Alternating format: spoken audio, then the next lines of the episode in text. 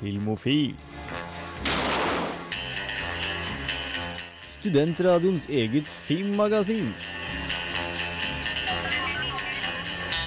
Lights ready, all set. Cameras. Ja, hei, hei, hei, og velkommen til Filmofil.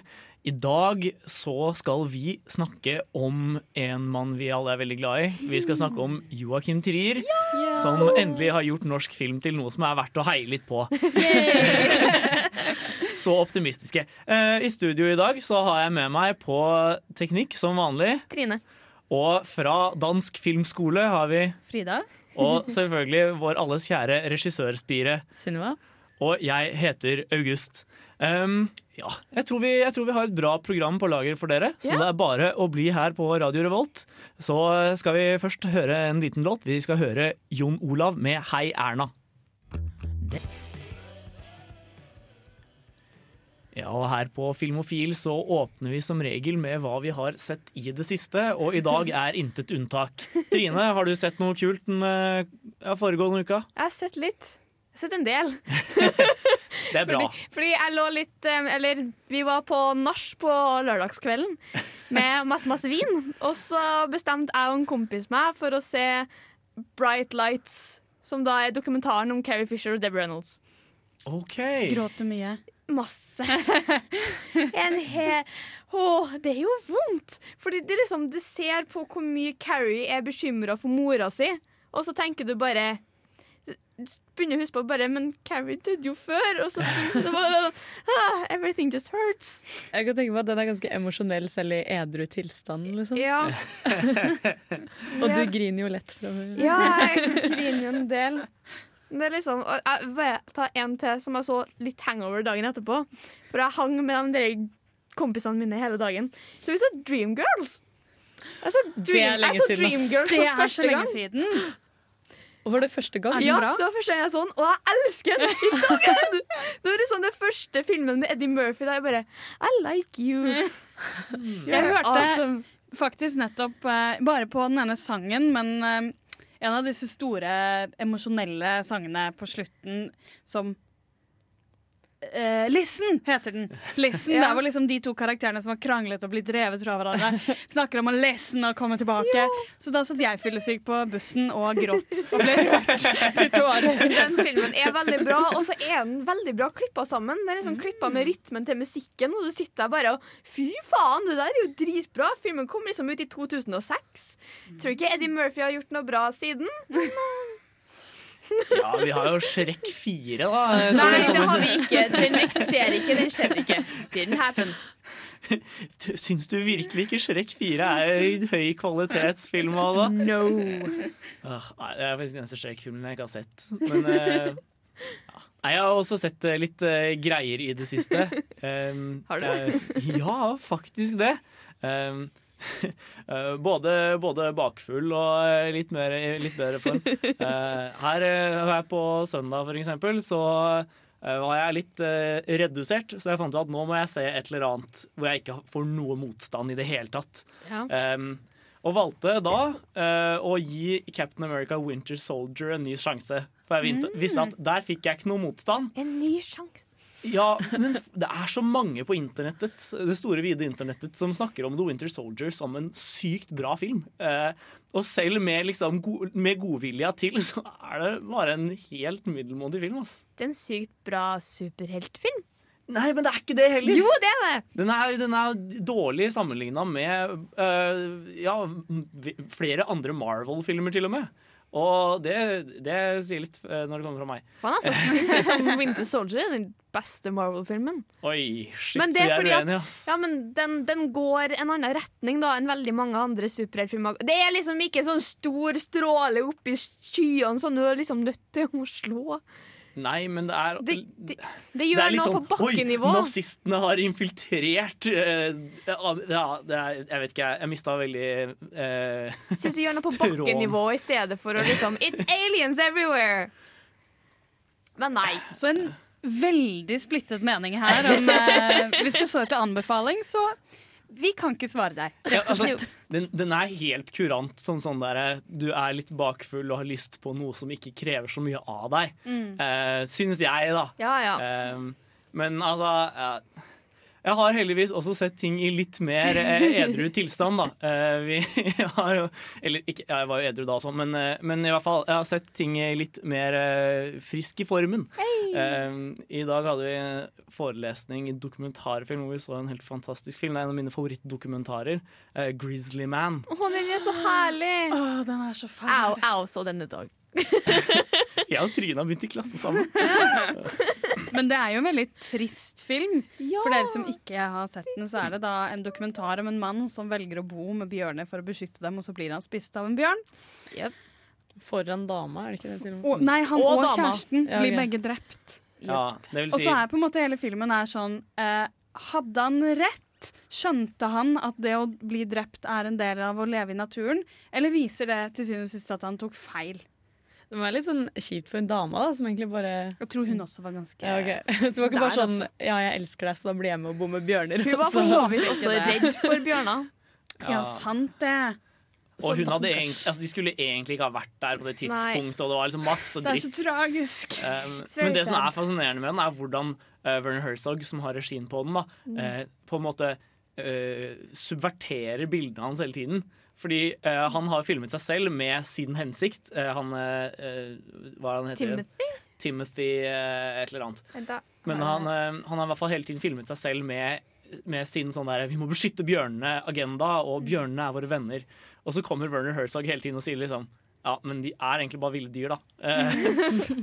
Og det, det, er så, det er en sånn dobbelthet der som er veldig fascinerende. Og så syns jeg han gjør noe veldig fint med på en måte, han, han gjør det veldig tydelig at i dokumentarer så spiller folk seg selv. Ja. Sånn, det er en veldig fin scene der, der hvor eh, en tidligere kjæreste av eh, han som dør, eh, skal få liksom, klokken hans, som er eneste som er igjen etter han, av sheriffen.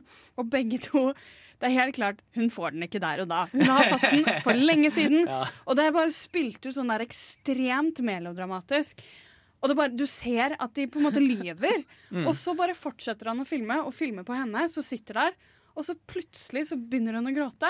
Fordi plutselig, selv om hun nettopp har spilt skikkelig ræva skuespill, så satt hun og følte på at dette her er det eneste jeg har igjen av han. Så du får en sånn rar greie med at de spiller seg selv, og så får du den noe ekte allikevel.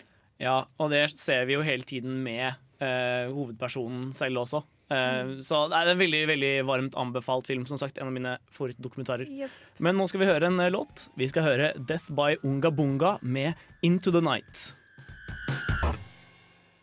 Ja, Hei og velkommen tilbake til Filmofil. Her snakker vi fortsatt om ting vi har sett uh, nylig. Og eh, Frida, har du sett noe spennende denne uka? Jeg har sett den nye sesongen til Bojack Horseman. Eller jeg har egentlig sett halvparten av den nye sesongen. Jeg er ikke ferdig. Eh, det er en veldig rar serie, syns jeg. For det er på en måte Den har jo på en måte hele greia til skal ta tak i depresjoner og folk som ikke helt klarer livet og sånn, og så kler de det opp i sånn kattepuser. Ja, Så man blir liksom eh, veldig sånn re Det er veldig vanskelig å skjønne om de tuller eller prøver å lage noe fælt og vanskelig. Jeg, jeg, jeg eh, har jo fått eh, Bojack Horseman veldig varmt anbefalt av veldig mange. Særlig Henning eh, i Filmfil er veldig veldig stor fan. Um, I hvert fall Denne uka prøvde jeg å gi det en ny sjanse, og jeg konkluderte egentlig med at det er litt sånn det er, det er litt for kleint for meg, rett og slett. Jeg synes Bojack er, Det er noe med at han er en så utrolig uspiselig fyr. Han er bare- veldig uspiselig. Men det handler jo egentlig om det. Om hvordan folk som er veldig selvsentrerte, ikke Hvordan det er en måte å ikke være livsdyktig på, da. Ja. Og på en måte Første sesong, den er en binsjesesong. For den er på en måte sånn, den starter som den skulle vært gøy, og så blir det mye sånn wacky hijinks. Og så blir det liksom mørkere og mørkere, og, og på en måte mye mer, mer og mer fokus på ja, men det du reagerer på, det har du helt rett i å reagere på. Og så på en måte skifter den tema hver sesong, så det er ikke sånn der at han fortsetter samme kjærlighetshistorie og sånne ting. Det er bare jeg, eh, koser meg stort når det går så til helvete med dem, altså.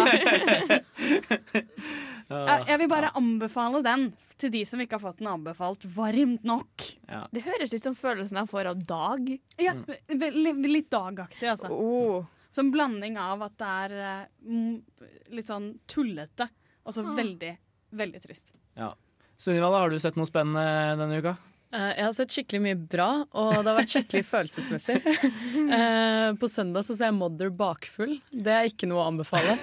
Eh, Mother ba Nei, ikke se mother bakfull. Det var skikkelig ikke bra. Og i går så gikk jeg litt sånn småtrøtt og nedfor og så The Act of Killing. Det var heller ikke sånn god kombo, da. Ja, for de som ikke har sett The Act of Killing, så er det en dokumentar om massemord. Ja, det, det er en gjeng med folk fra Indonesia som drept, eller tok del i et folkemord på, På 60-tallet. 60-tallet. Og som fortsatt er liksom lokale helter, da, fordi de fikk drept alle kommunistene. Og så lar de liksom Oh, wow. dem fremstille det sånn som de ønsker å fremstille det, da. Tenkte å spørre hva syns du om Mother? Fordi I, I, I wanna know. uh, altså, jeg, jeg likte den veldig godt, men jeg gikk jo ut derfra som et vrak. Det var litt sånn der, når jeg kom ut av kinoen, det regnet, det var skikkelig dystert. Gikk hjemover og bare Hva skal jeg gjøre med livet mitt? Jeg har aldri lyst til å få barn. Den filmen fucker med deg, Ja, liksom. veldig. Ja, For jeg, jeg har også sett Mother siden sist, og jeg fikk, no, fikk Oh. litt problem med den fordi den er så utrolig tydelig allegorisk. Ja, ja. Eh, at jeg liksom hele tiden satt og bare sånn OK, men hvordan har de tenkt å løse den neste tingen som den har tenkt å være en allegori for? Og, så, eh, og jeg syns de løste noen ting veldig kult, og så var det en del ting som ble litt sånn mye. Så jeg sleit litt med å engasjere meg i den følelsesmessig, men altså ambisiøst og spennende formprosjekt. Jeg likte veldig godt akt to. På en måte. Der Ja. synes jeg de fikk det til. I starten så syns jeg at alle nærbildene av Jennifer Lawrence og sånn ble litt mye. For det var litt sånn Jeg kjenner ikke denne karakteren godt nok ennå. Det ble for Det er litt for tidlig Ja, for meg. litt, ja. Og så akt to likte jeg skikkelig godt. Oppbygningen og spenningen og sånn. Og akt tre ble litt kaotisk. Litt, litt, litt kaotisk. Bitte litt. Bitte litt. Ja. Men det er verdt å se den, da. Ja, jeg vil egentlig anbefale folk å komme seg på kino og se Mother, jeg også, Ja. selv om jeg sleit litt med den. Den har, den har veldig mye på gang. Uh, kanskje litt i meste laget. Men nå skal vi høre en låt. Vi skal høre Sara og Arash med 'Dance Dance'. Filmofil gir deg nyhender fra filmen og fjernsynets i spanende vær. Ja, og Trine, du har tatt på deg rollen som nyhetskorrespondent i dag. Ja, Hva, hva har du, hva har du i- i blekka for oss? Uh, jeg, har litt, jeg har litt forskjellig. Så det er sånn, jeg kan jo starte med at uh, Linda Hamilton skal tilbake til Terminator-serien. OK. Hun skal være med i neste Terminator med James Cameron tilbake som regissør. Og Linda Hamilton er da Sarah Connor. Sarah, Sarah Connor fra første filmen. Og Og Og andre. andre filmen. Um, så det er Jeg Oi! Ja, Hun skal, hun Fordi, skal tilbake. Men skal ikke, skal ikke James Cameron lage liksom bare Avatar-filmer de neste sju åra? Tydeligvis ikke. Han skal tilbake. Enten så skal han regissere, eller så skal han produsere. Jeg er ikke helt sikker. Men Ja. han skal i hvert fall tilbake, og Arnie skal liksom spille en sånn 70 år gammel Terminator. For er det én ting roboter gjør, så er det å eldes.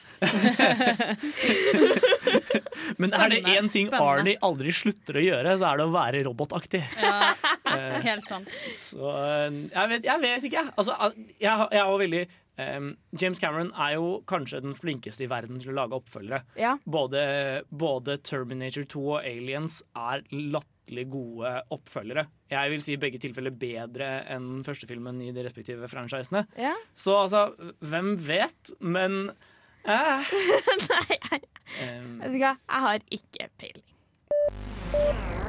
Men hei, mens vi var inne på James Cameron Avatar 2 skal starte innspilling neste uke. Ja. Har ikke den innspilt i sånn Mange ti år? Ja. Jeg føler jeg har jobba med den ganske lenge. Altså, man, man skulle jo tro at uh, tidenes bestselgende film Ja. uh, skulle ha ganske lett for å få finansiert en toer. Du skulle jo også tro at tidenes mest uh, stjålne plott skulle være jævla lett å skrive.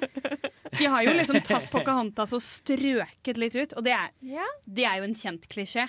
Så jeg føler, altså Med mindre de planlegger å komme med noe sjokkerende, syns jeg dette har tatt altfor lang tid. Ja, fordi altså, Det å komme med en oppfølger til Pocahontas er jo ikke nødvendigvis så lett uh, heller. De, Disney klarte det jo, da. De gjorde det. det Ærlig talt. Du kan, Klarte det er å ta litt i, du kan argumentere om de filmen er bra, men jeg elsker den. Eh, personlig favoritt, det, det altså. Eh, nei, jeg, hvis de følger det plottet, så blir jeg i hvert fall overraska. Det, det må jeg ærlig innrømme. Ja, jeg vet ikke om det blir bra eller dårlig. Vi får, vi får vente og se. Ja, jeg tror ikke vi kan gjøre noe annet. Så har jeg tatt med en ting som Wes Anderson-fans kommer til å bli ganske glad for. Når jeg kom ut med trailer for den nye filmen sin. Ja, på to og et halvt minutt. Ja! What? Som eh, skal handle om Det heter Isle of Dogs, er det ikke den heter? Jo. Hvis noen skulle lure på om han lekte litt sånn naiv og sjarmerende. Det er noen som har sett traileren som kan forklare den, for at jeg har ikke satt meg ordentlig godt inn i akkurat den der. For at jeg er ikke helt på Wes Anderson-toget ennå. Uh, jeg så den i stad. Den kom ut for to timer siden. Uh, det er jo da Det handler Det er eh, eh, hunder som Jeg tror det var at de fikk rabies. Tror du det var, Eh. nei, infra, sa de ikke flu? Jo, kanskje det var flu. Det var, de får i hvert fall en sykdom, da. Ja. Så alle hundene blir bortvist til en øy. Eh, og så Tra er det en Trash Island. Ja. Og så er det en, og så er det en gutt som eh, drar til den øya for å finne hunden sin, da. Jeg syns det høres veldig cute ut. Kan jeg bare få legge til for de som var like forvirret som meg nå, at det er en stop motion-film. Ja, stop stop Ja, motion. det er en Så for de som så for seg sånn der dubbet uh, Den fantastiske reisen med ekte hunder som jogger rundt, så er det ikke det. Det er da stop motion. Og det skulle jeg likt å se, egentlig. For det er liksom den utrolige reisen ødela meg som liten. It broke me. Ja, den var jo litt lang, den traileren, men det Ja. ser veldig Wes Anderson ut. da Det Og ser jeg likte veldig Wes Anderson ut. Ja, øh, jeg, jeg har ikke noe imot at han eh, fortsetter å være seg selv. Det Eller lager veldig- en ny stop motion. Nei, jeg, jeg er av de som ikke er sånn voldsomt fan av eh, Fantastic Mr. Fox, men altså det, det er en diskusjon for en annen gang. For nå er vi nødt til å høre en låt. Vi skal høre Ariel Pink med 'Dream Date Narcissist', etterfulgt av en liten pause. For et program i burra med både klasse og stil. Du hører på Filmofil. Ja, du hører på Filmofil, og vi har flere nyheter til dere der ute. Har vi ikke det, Trine? Ja, har det. Jeg har en om Indiana Jones 5. Yay! Shia LaBeouf skal ikke være med i neste film. Nei! Huff og huff. Det var akkurat den reaksjonen jeg var ute etter. Men altså, det er jo egentlig litt trist, for nå har hun jo blitt en spennende skuespiller. Ja! Um, altså, I American Honey så er han jo helt herlig. Åh, han er fantastisk i den. Og også i Nymphomaniac. Ehm, så altså han, det, det har skjedd veldig mye med Shia LaBeouf siden, siden forrige Indiana Han er jo blitt kunstner. Han har jo på seg plastpose over hodet og sånn på premierer. Oi. Så jeg er helt enig. Nei, ikke, jeg mente papirpose. det hadde vært litt mer kvele seg selv. Ja, dramatisk. eh. Men nei, han har blitt veldig, veldig kunstner. Ja, men, men det har jo fått veldig positive konsekvenser for han. Altså, altså, du, kan, du, kan, du kan kalle han pretensiøs så mye du vil, men altså, de tingene han har vært med på, har vært genuint bra. Ja. Så altså, hvis, hvis, eh, hvis dette betyr at han har tenkt å samarbeide mer med Lars von Trier, så har jeg ikke noe imot det. Men altså, ja, jeg vet ikke. Ja, Nei, vi får, no, vi får nå se hvordan den blir. Jeg tror ikke den blir noe bra uansett. Ok, HBO skal lage en Watchmen-TV-serie. Oi! Oi! Hva, har du, står det noe om formatet, liksom? Skal det være, eh, skal det være kort? Det står ikke så mye, for det har ikke kommet noe mye informasjon. Bare at uh, Damon Lindel... Lindel... Lindelof? Lindelof. Lind, Lindelof? Lindelof. Lindelof? Jeg har Ja. ikke peiling hvordan jeg uttaler det. Han skal være showrunner. Og han har tidligere lagd et show som heter Leftovers. Og han har skrevet for Lost. Hmm. Ja, eh, jeg vet ikke helt hvor eh, betryggende det var, men eh, Nei, det er ikke betryggende i det hele tatt! her er, her er greia mi. Jeg har veldig troa på dette konseptet hvis de gjør det som en sånn seks-sju episoders enkeltgreie. Ja, eh, hvor de på en måte får stappa inn hele, hele graphic nolen. Eh, gjerne i litt sånn Snyder-esk stil, men ikke helt Ikke all out Ikke bare slow-mo. Nei, ikke sant? Selv om det hadde jeg likt. Jeg men elsker altså- jo også den filmen litt. Eh, men men uh, hvis det blir en sånn derre uh, TV-serie i Watchmen-universet som går for 20 sesonger, så kommer jeg til å hate det. Nei, for jeg tenker meg det blir liksom Kanskje de går litt Game of Thrones-rute, at de har få episoder å faktisk følge. Det er jo litt første, sånn Game of første sesongen med Game of Thrones, i alle fall. HBO-stilen er jo litt sånn, da. Ja. Det er jo bra det ikke er Netflix. Liksom. Ja. Men den er jo, uh, det er jo en ganske kort graphic novel. Det er jo ikke den er jo, Og mye av det er jo eksempel en del av tingene Snyder kuttet i sin filmatisering, sånn som tegneserien. Fungerer, altså Det er en tegneserie inni tegneserien som karakterene ikke leser, men vi leser den, som på en eller annen måte belyser plottet. Akkurat det henger jeg ikke helt med på. hvordan det. Men det er noe hai, og det er noe mann som er ensom og tenker mye på livet.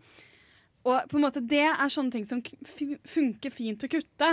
Alan Moore lager mye tegneserier som hører veldig til sitt format, og som ikke er sånn Ja, men så plukker vi alle de pene bildene over til, uh, til film, selv om mange prøver det. De eksisterer veldig som tegneserier, da. Ja, og Det er jo det som gjør det til gode tegneserier. i utgangspunktet, tenker jeg.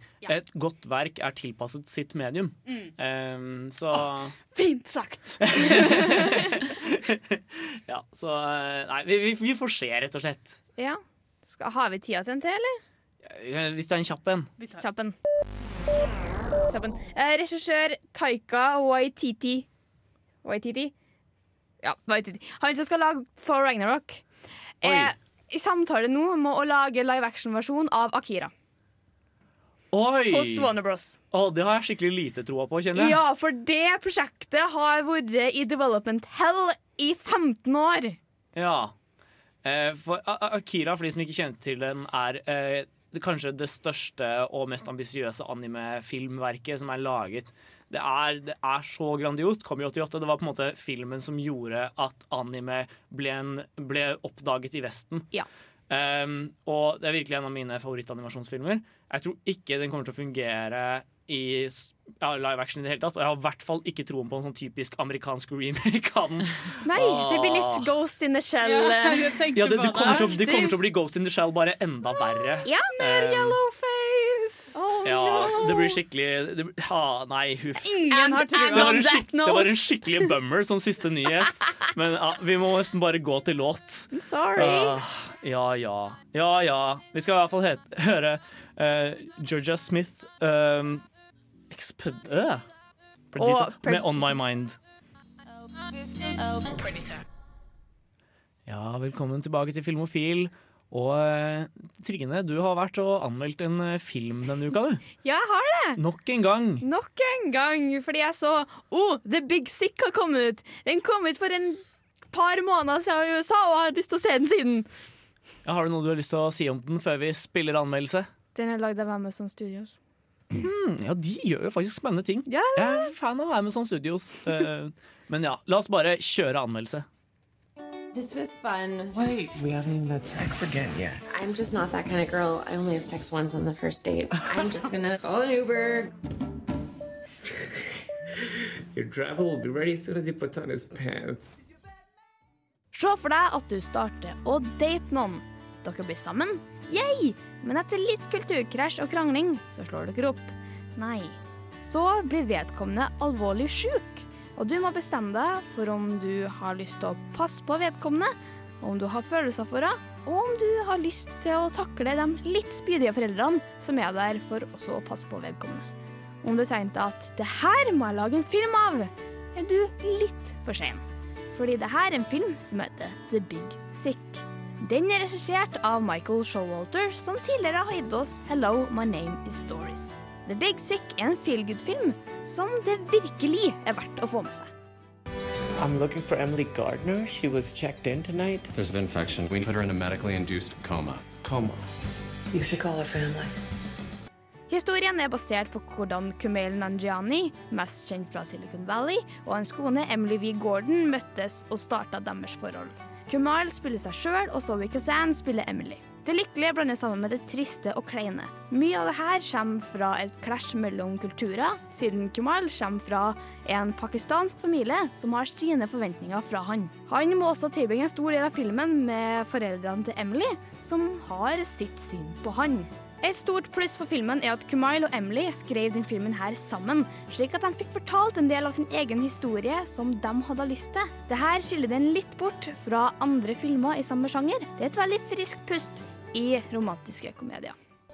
I wonder who that could be. I'm guessing it's a young single Pakistani woman. This is Zubeda. For your files? Your X Files? That's your favorite show, huh? The truth is out there. Enda et lyspunkt i filmen er de fantastiske prestasjonene av skuespillerne. Kumal gjør en fantastisk rolle som seg sjøl. Han og Zoe Kazan har en fantastisk kjemi som det er en glede å få sett på, og du har bare lyst til å få mer av de her to sammen. Ray Romano og Holly Hunt spiller foreldrene til Emily. Begge gjør en helt fantastisk rolle. Det var spesielt morsomt å se Ray Romano igjen i en virkelig fantastisk film, der han virkelig får sin. Det virker som vi får et innblikk i en veldig personlig historie som vi er heldige å få sett. Amazon Studios tror jeg har en god del å gjøre med det her, med tanke på at eh, det var dem som var med å gi ut eh, Manchester by the Sea i fjor. Som har en del av de samme følelsene som i The Big Sick. Det er fint å se at en tilsynelatende liten film får en sjanse. So, uh, 9/11. I've always wanted to have a conversation with people. You've never talked to people about 9-11? Dette er en av de filmene der jeg ikke klarer å finne noe særlig negativt å si om den. Det eneste jeg kan komme på, er at eh, den kanskje er litt eh, forutsigbar. Om du vet at det er basert på en tidlig del av Kumail og kona hans eh, tidlige forhold. Og så at den kanskje dras litt ut på slutten. Den trengte kanskje ikke å være så lang som den var. Ellers kan jeg nesten ikke finne noe dårlig, fordi det her er rett og slett en fabelaktig, fantastisk film. I have to tell you something, babe. I've been dating this girl. She's white. A white girl? Okay, you can't look like you and yell white girl. It's okay. We hate terrorists. Så endelig har denne fabelaktige filmen ankommet Norge. Så hva er det du venter på? Finn en date eller en god venn og dra på kino for å se den fantastiske, kreative, romantiske komedien. Endelig er den her. Og by the way, ta med lommetørklær. You might cry.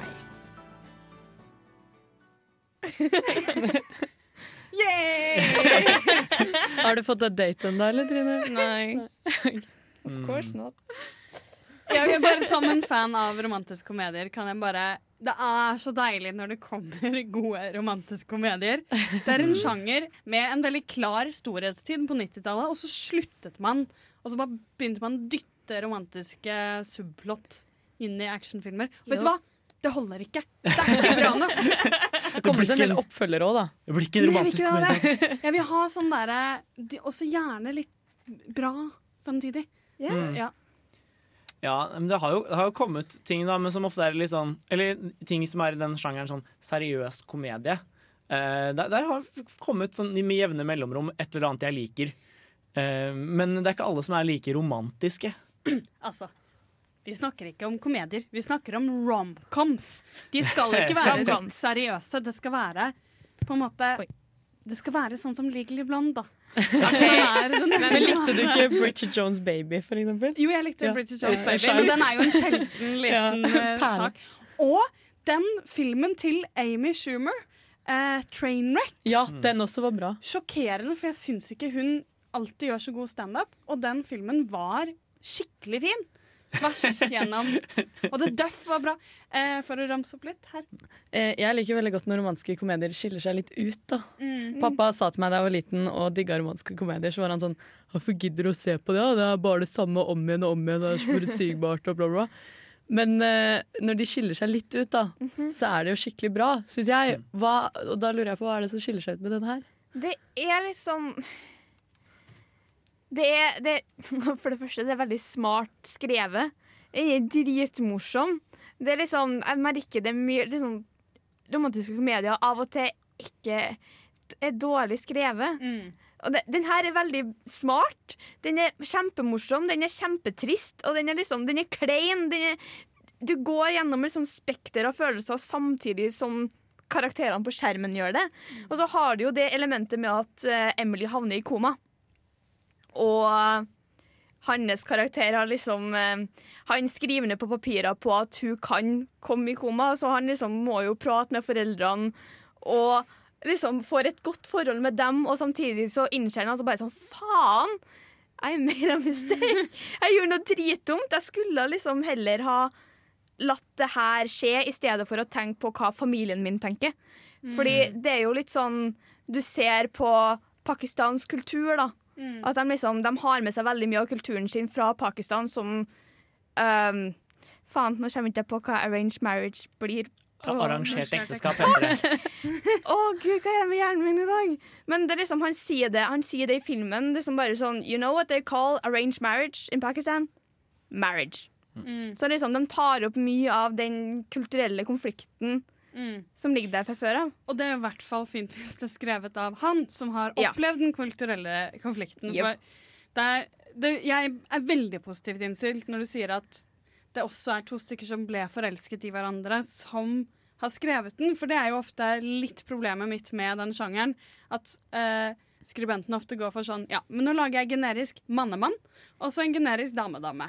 Og så på en måte sånn Så er de mest stereotyper og mindre personer.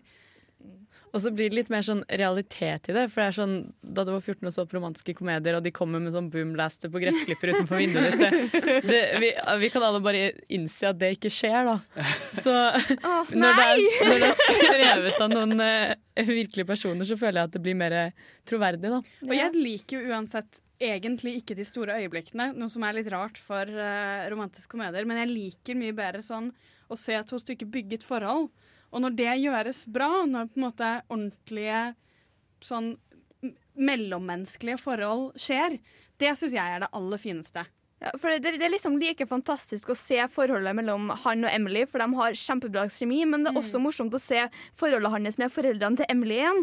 Fordi de to har sine egne problemer, og så må du liksom se dem løse det og bli kjent med han. Og så liksom, Han blir bare mer forelska i Emily. Og så bare, det, det er så koselig! Han blir mer forelska i, eh, i eksen når hun ligger i koma. Det høres litt suspekt ut, men eh, ja, en varm Han hadde allerede veldig mye følelser for henne som han ikke hadde lyst til å face før hun havna i koma. En varm anbefaling fra Filmofil der, i hvert fall. Yep. Men nå skal vi høre en låt. Vi skal høre Death by Unga Bunga med Into the Night. Ja, og nå skal vi bevege oss inn i temadelen av denne sendingen, som eh, jo handler om Joakim Trier. Yay! For eh, ja, hvem er Joakim Trier? Han er en eh, norsk regissør som er kjent for eh, filmene Han har lagd fire filmer totalt. Ja. Han har lagd Reprise, Mhm. Oslo 31. august, Louder Than Bombs og nå nylig Thelma. Ja. Og vi i Filmofil er store fans. Altså, han er jo norsk film sin liksom sitt stolteste barn. Det er jo sånn, Men vet du hva? Norsk film, det går bedre. Vi har faktisk Joakim Trier. Nei, Trier. Han er sånn den, den eneste norske regissøren som dukker opp på lista til f.eks. The Playlist. da, lagde en, eh, Det amerikanske indie-filmnettstedet The Playlist lagde en liste over de 100 mest interessante regissørene som jobber i dag. eh, og Joachim Joakim Trier var, eh, var faktisk inne på lista. Og da er det sånn Ja! Men det er jo ikke så rart da når Thelma ble vist på Toronto Film Festival. Toronto International Film Festival. Og også eh, Louder Than Bombs var den første norske filmen i Cannes siden 1979. Ja. Altså, det er jo ikke som at vi har så mange å ta av heller. Det er jo litt sånn, altså Vi har Norge hvor det er litt sånn Altså Hvis det først er en bra film, så er det sånn oi!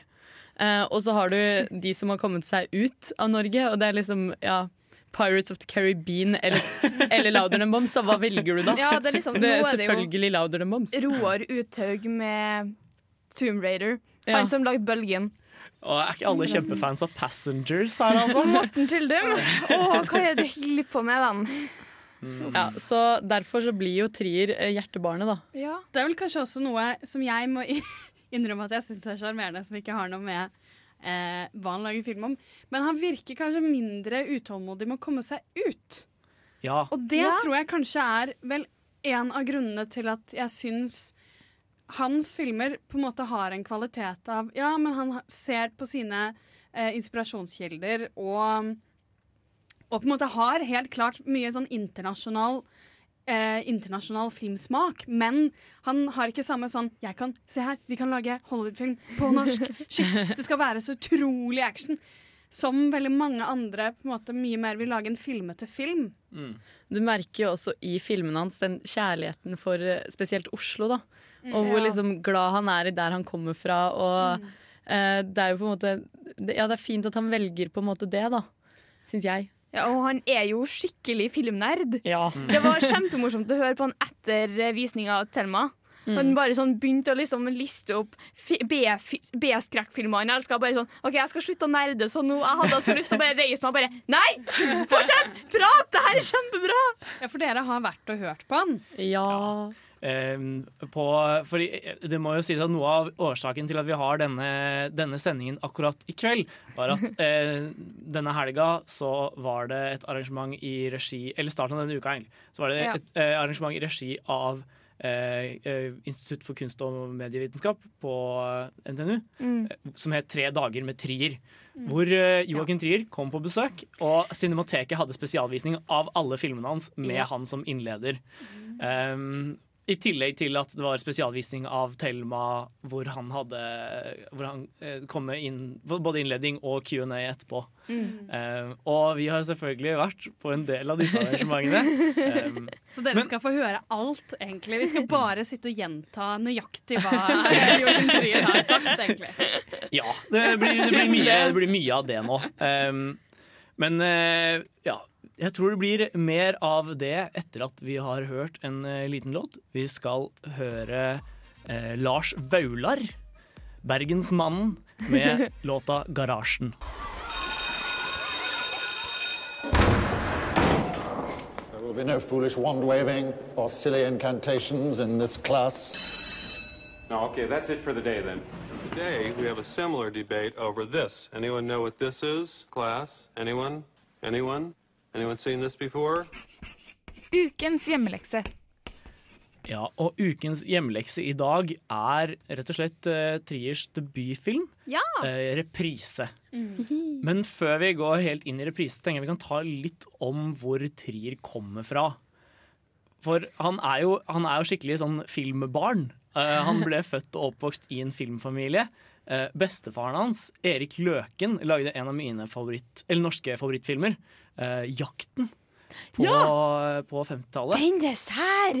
Den er veldig rar. Veldig, veldig eh, sånn eh, avantgarde. Jeg har bare Men, sett slutten. men det er så sjelden man ser i norsk film, da. Ja, Um, det kan jeg si mening. og begge foreldrene hans var også involvert i filmbransjen. Faren hans hadde jo lyd på uh, Flåklypa. ja.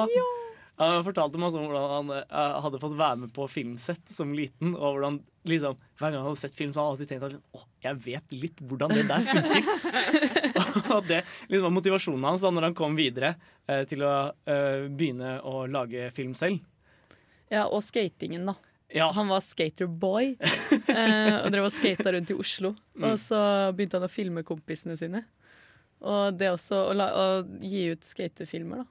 Jeg prøvde i hvert fall, Ja. men det var om å fange de feteste triksene fra de feteste skaterne i Oslo. og, eh, Og det er ja. der stor kunst begynner, da. Ja, ikke sant. Um, I hvert fall uh, så endte han opp på dansk filmskole.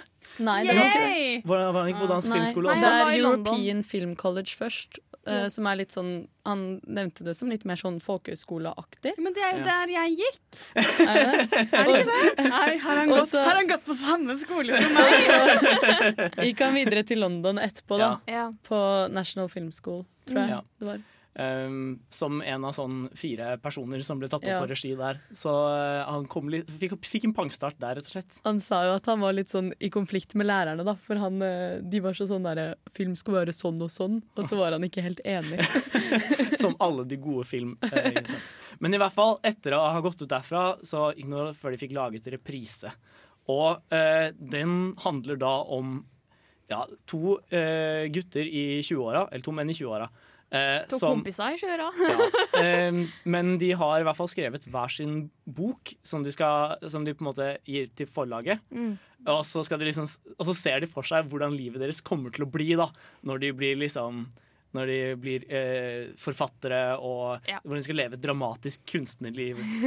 um, og selvfølgelig går det jo ikke sånn. Han ene får alvorlige psykiske problemer, og han andre blir rett og slett slår rett og slett ikke an med det første.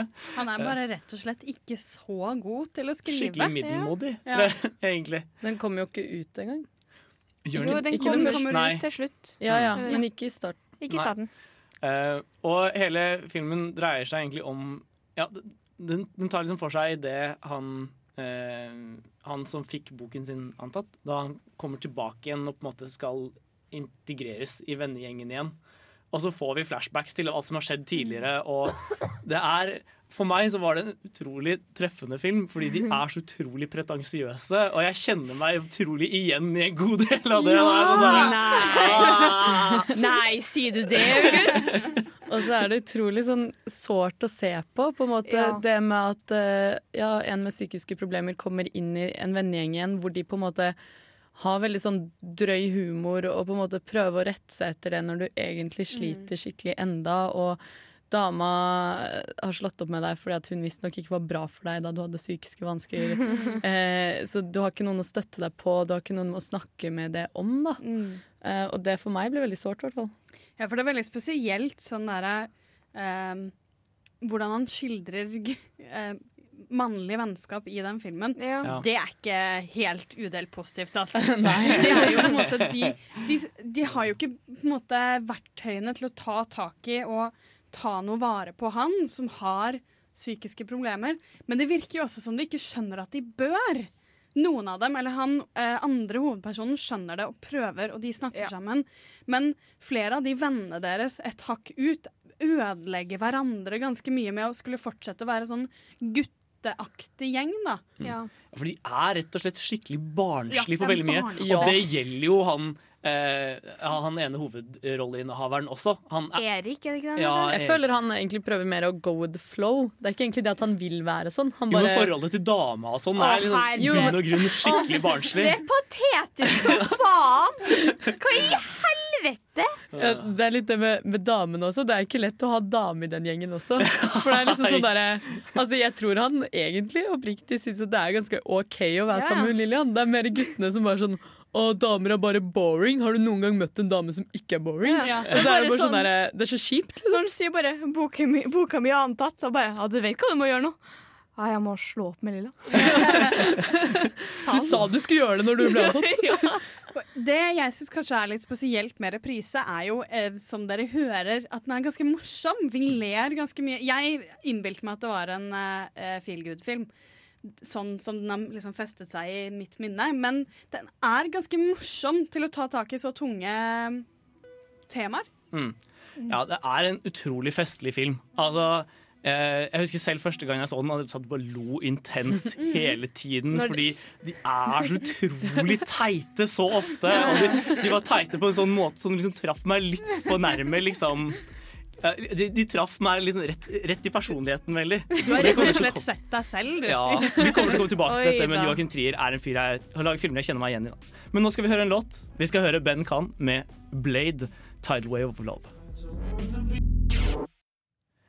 Ja, eh, og her på Filmofil i kveld så snakker vi om Joakim Trier, og nå skal vi over på Uh, litt sånn mer konkret stildans. Hvordan ser og høres en Joakim Trier-film ut? Eh, Det er jo mye forskjellig eh, tematikk i filmene hans, men det er jo mange ting som går igjen også. Og det som jeg syns er veldig interessant med han, er måten han bruker flashbacks på.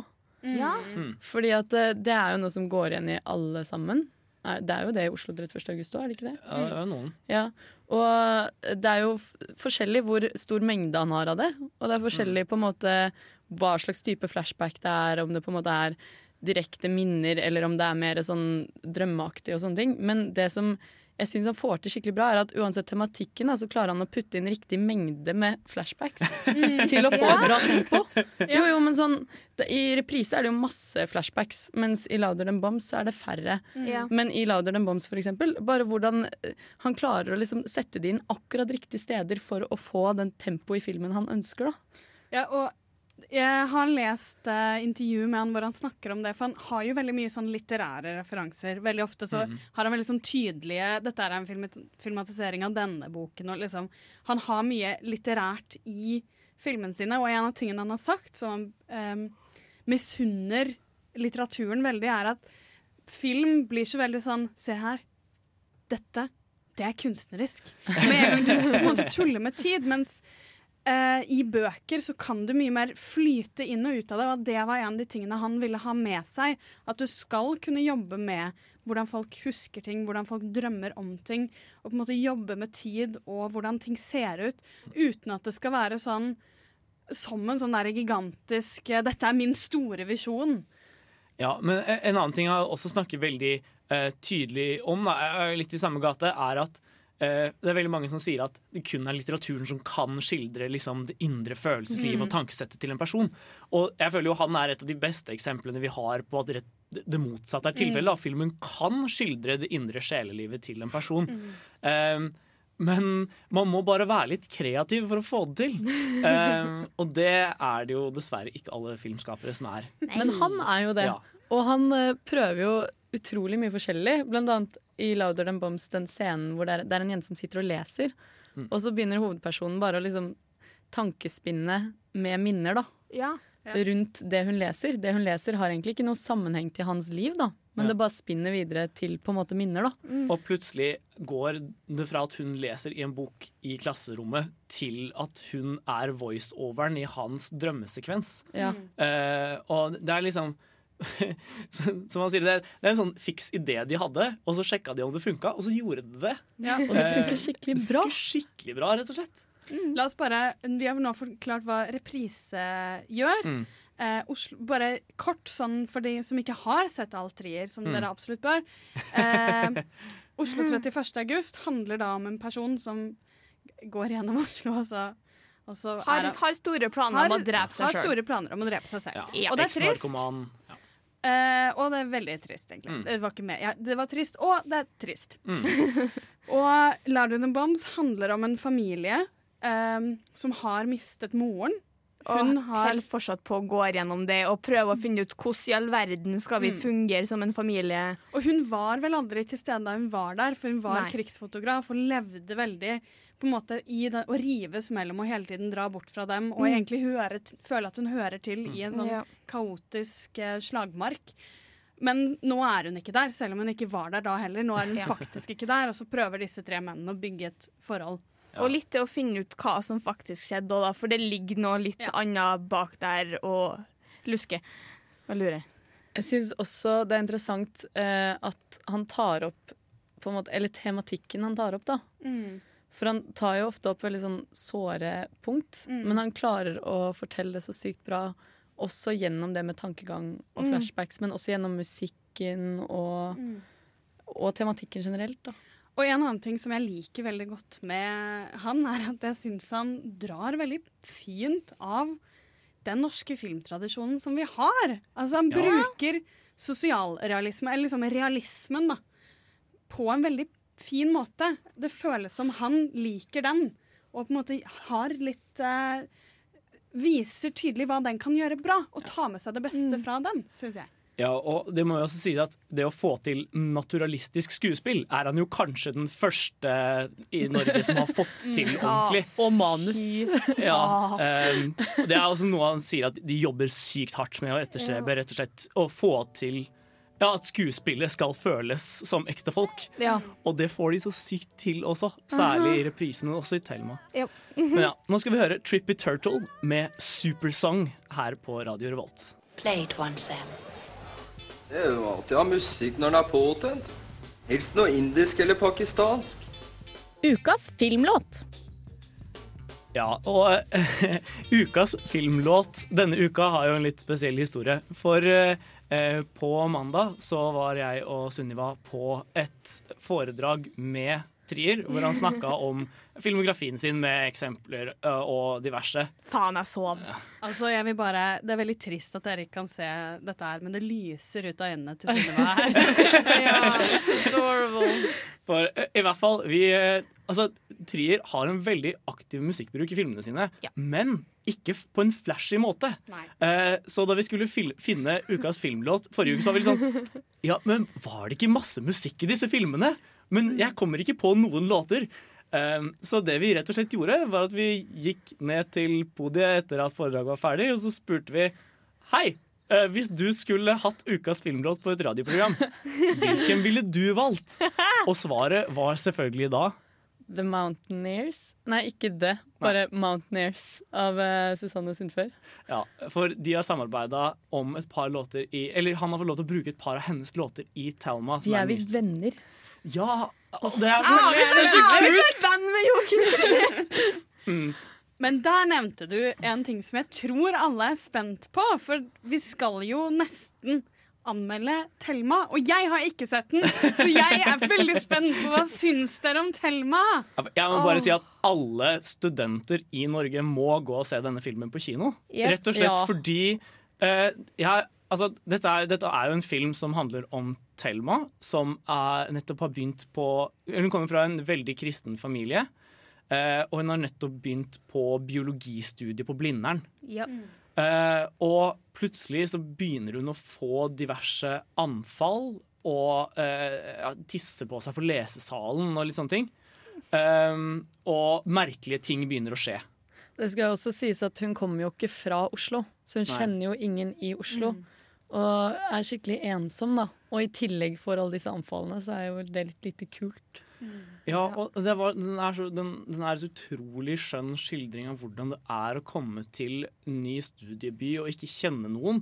Den derre usikkerheten man liksom automatisk kjenner på når man er i et helt nytt miljø og Mm. ikke kjenner noen. Og så, ja, Særlig når man da begynner å liksom få anfall og sånn. Det, er- det er så utrolig, utrolig sårt, da. Skikkelig sånn derre Ja, du kommer til et nytt sted, og du vet jo ikke helt hvor du skal begynne å bli kjent med folk heller. Hvor er det kule, hippe stedet å dra ut? Og hun er jo kristen, hun drikker jo ikke. Og så, sånn, altså, hvilken kafé er det folk henger på? Hvilke, altså, hvor går man for å bli kjent med Ja. folk, da? Åh, orker man dette her? Jeg, Ja. jeg får så vondt Man inni meg. bare orker det. Det er en sånn veldig fin film som viser liksom hvordan det er å utforske seg sjøl alene Ja. når du er på et nytt sted. Du, får liksom, du blir bedre kjent med deg sjøl, du får nye ideer, du får nye tanker. Du, den viser liksom så godt hvordan det er å bli eldre og voksen. Og foreldrene dine er ikke der til å påvirke deg på noen måte. Altså, yep. Hvis du har hatt litt overbeskyttende foreldre, da, og så plutselig flytter du til en hel by hvor de ikke er. Det er Ja. liksom, ja. Og uten å spoile for mye, så viser det seg jo at Thelma sine foreldre har vært overbeskyttende med, eller, a- a- med, med god grunn. Ja. Um, det, det, det, filmen har en utrolig vakker åpningssekvens med hun og faren som, Ja. mens hun er liten, da, som går over et islagt vann. Uh, ser, på, ser med sånn barn, barnslig blikk på fiskene som lig, svømmer under isen og sånne ting. Mm. Og så kommer de inn i skogen, og faren har med seg en rifle for å jakte på, for å jakte på hjort, tror vi. Eh, helt til det kommer en hjort, og Thelma står og stirrer på hjorten, eh, og faren plutselig vender riflen mot hodet hennes. Og vi står der i spill, stillhet helt til tittelen Thelma kommer i sånn blinkende skrift. Ja. For den, den liksom den, den spiller på suspens. ja, det jo en Veldig, veldig bra. Det er jo en thriller på mange Ja. måter, men den er satt i en utrolig utrolig gjenkjennbar setting for oss som er studenter i Norge. da. Ja. Og det var det jeg skulle til å si i starten. at ja, Jeg tror aldri jeg har sett en film altså Selv ikke reprise treffer meg på samme Treffer meg som person på samme vis. Og det, eh, jeg har aldri sett en film som jeg føler snakker i så stor grad om meg. Eh, og, og det Altså, nå, nå må ikke folk tro at jeg har hatt helt forferdelige foreldre fra bibelbelte. Eller. At du får Men- ting til å skje. Nei, men, men, men bare den, der, den, den følelsen av å være en ny student på nytt sted det var så utrolig treffende. Så nå tror jeg rett og slett vi skal høre låta. Uh, Susanne Sundfør med 'Mountaineers', etterfulgt av The Black Keys med 'Never Gonna Give You Up' og en liten pause. I don't even I don't even know who you are anymore. Me? I know who I am.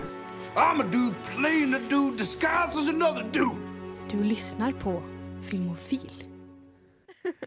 Ja, ehm, og her på Filmofil så snakker vi i kveld om Joakim Trier, den norske regissøren. Og eh, nå skal vi over på inspirasjonskildene hans. Mm. For en av de tingene som gjør det utrolig herlig å høre på eh, Trier snakke om film, er at han er en ekte cineast. Ja. Han elsker å se på film, og det hører du så sykt på hvordan han prater om de. Og han ser så mye sær film. og det er så koselig å høre på han hvor entusiastisk han er rundt sånne filmer som er sånn Har noen andre i salen sett den her? Og så er det ingen som rekker opp hånda. Og så er han bare sånn Dere må se denne her!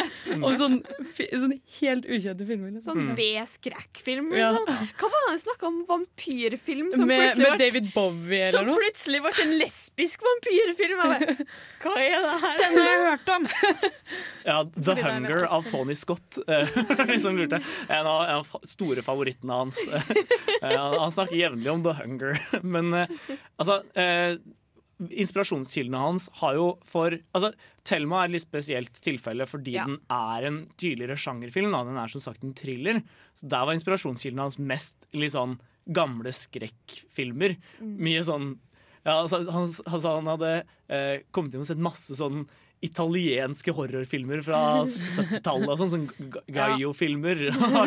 liksom, Begynte å fundere på et hevnmotiv eh, i bakhodet.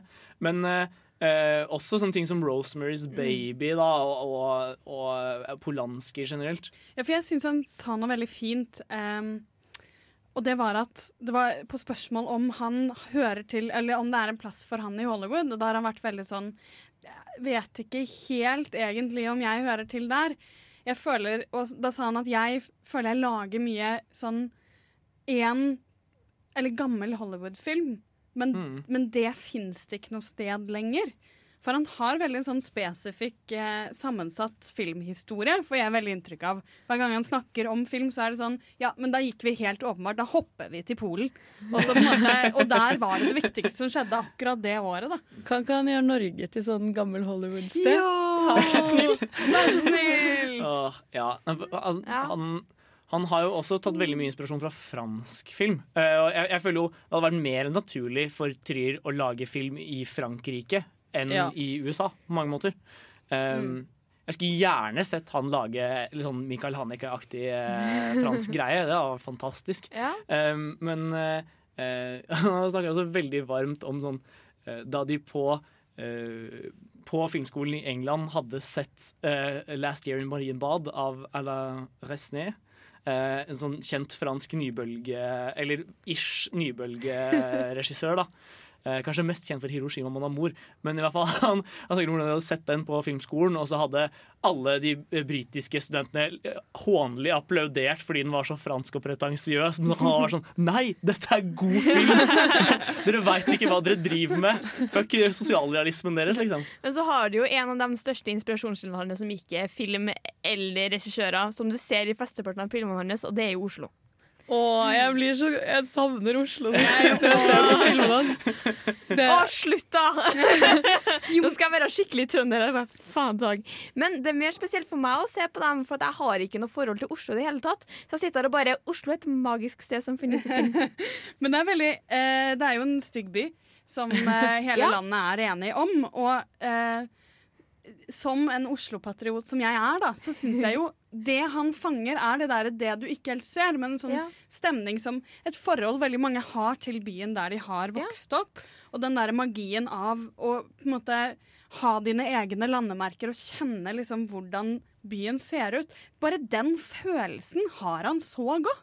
Og han skildrer jo også Oslo på en veldig vakker måte til at det er en stygg by. Da, sånn, da jeg så Oslo 31. august, for eksempel, og han sykler rundt i byen der, tror jeg, på Mm. natten. Og så var jeg bare sånn herre å, det, det der kunne jeg gjort. på en måte sånn der, Å, det gatehjørnet der, der pleide jeg å gjøre det. Og på videregående så gikk vi alltid forbi det stedet. Og den, den eh, benken i Stensparken, der satt jeg med den og den og hadde den og den samtalen. Altså, Du får så masse assosiasjoner da, av å se på det.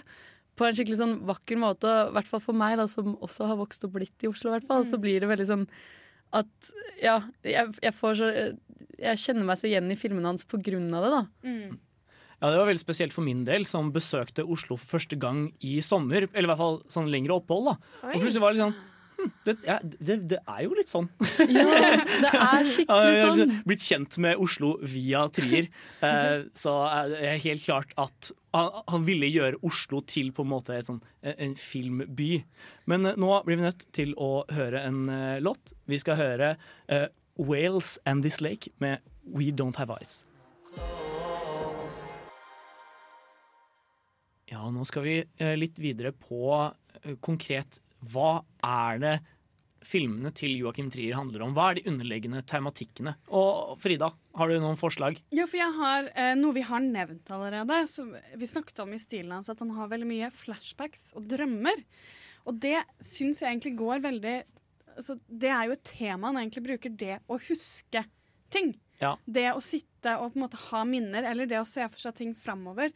Han bruker jo akkurat disse tingene for eh, for å beskrive personene sine. Og det er jo kanskje tydeligst, syns jeg, i Louder Than Bombs. Ja. Der hvor du har en karakter som minnet hennes, minnet til da moren, dominerer familien på en måte som gjør at de aldri kommer seg videre. Og flashbacksene, når du ser hvordan de har vært rundt henne og sånn, bare videre forsterker følelsen av at hun var limet til den familien. Det, og egentlig det å sitte og vente på henne var det familien der gjorde. Uten henne så er de fortsatt helt dominert av hennes tilstedeværelse. Og også i de filmene hvor han har flere enn én hovedkarakter, blant annet av Louder Than Bombs, hvordan han presenterer det at folk husker ting forskjellig. da. Mm. Og at flashbacksene på en måte hører til ulike folk, og på en måte en, en har oppfattet det sånn, men en annen har oppfattet det sånn. Og ja, at eh, minner er på en måte dine egne, da. Mm. Og drømmer, for så vidt. Ja, jeg, jeg leste en anmeldelse av eh, Thelma for eh, nevnte The Playlist, eh, det amerikanske filmstedet.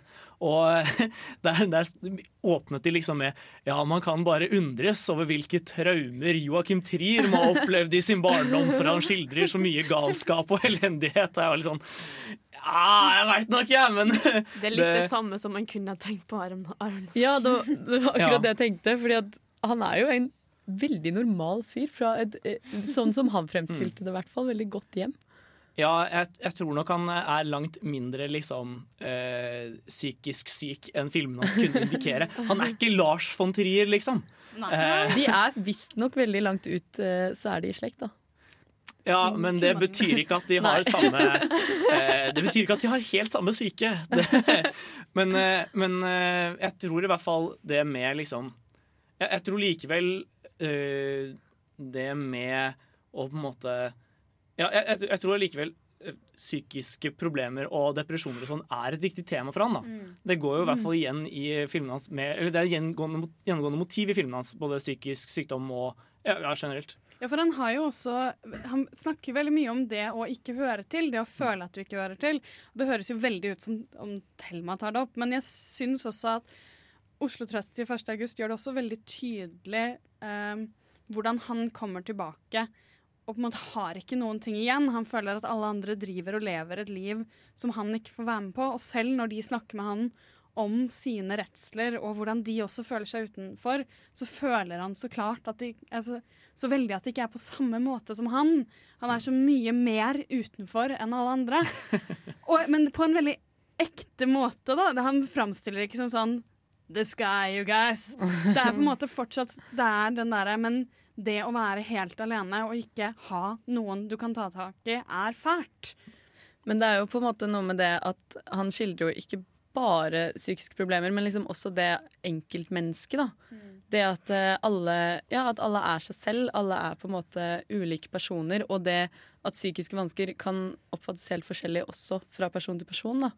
Ja, og Coming of age-tematikken hans er jo også veldig markant. Mm. Eh, særlig, altså I reprise så handler det om hans, hans selv som, som Mm. skal eh, ja, eh, bli voksen.